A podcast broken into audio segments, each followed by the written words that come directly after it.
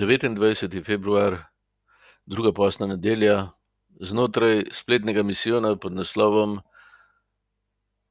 Duhovni reset, vse delam novo. Danes smo povabljeni pred skrivnost spremenjenja, preobrazbe, preobličenja. Spremenjenje ni neka predstava na gori za dva, tri učence v davnih časih. Ta evangeljska pripoved zelo močno zajema iz podob, podobnih zgodb Stare Zaveze. Na dramatičen način opisuje, kako je bil Jezus ljubljen od Boga in kako so to izkušnjo dojemali in doživljali njegovi učenci. Je, kaj pa to konkretno za nas lahko? Morda ste že, jaz gotovo večkrat slišimo, slišal, koga reči, da ne doživlja božje nazočnosti nekdo potem zanika Boga, obstoj Boga zaradi tega. Darila nam kažejo, da Boga srečamo v izkušnji ljubezni. Takrat, ko smo ljubljeni in ko imamo sami radi. Danes je ta beseda močno devolvirana, brez globokega pomena in resnice, ki jo označuje.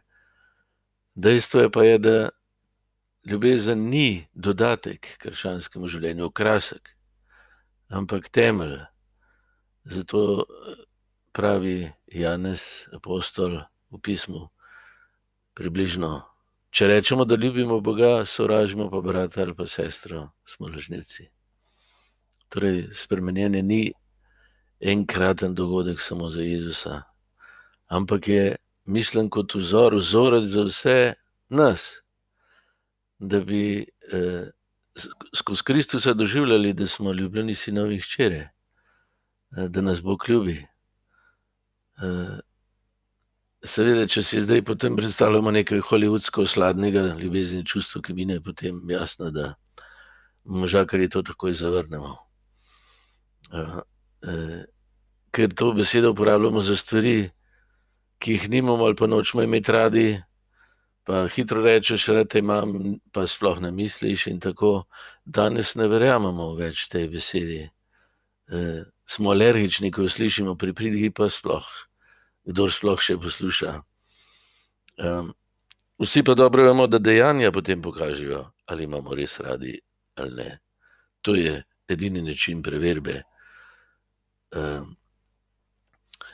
e, ker smo v dejanjih šipki, ne, ne verjamemo, da nas ima kdo rad, niti sebe nimamo več radi. E, postanemo cinični, pa zapremo se v sebičnost, zaničujemo ali pa celo sovražimo.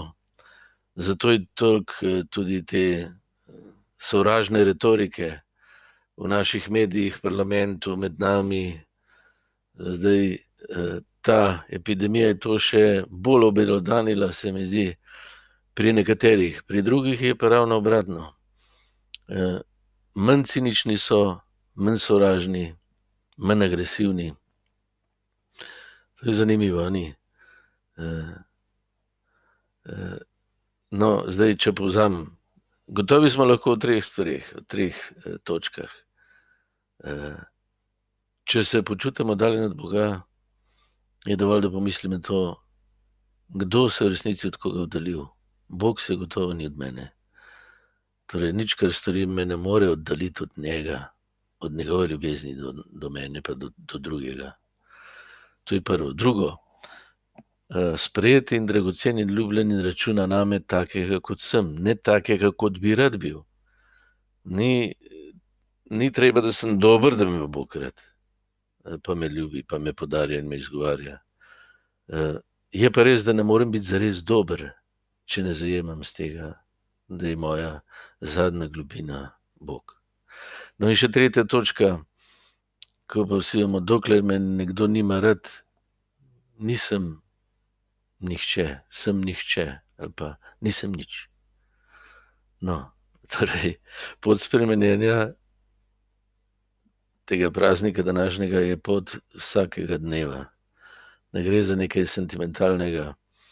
Ampak uh, za konkretno dejanje ljubezni, pa tudi da jo izgovorim, in da se vidi v tem, kar delam, da živim za nekoga. In vsak dan ranljivo tudi sprejmem zavrnitve te moje odločitve, da bom ljubil skupaj z Bogom sebe in druge.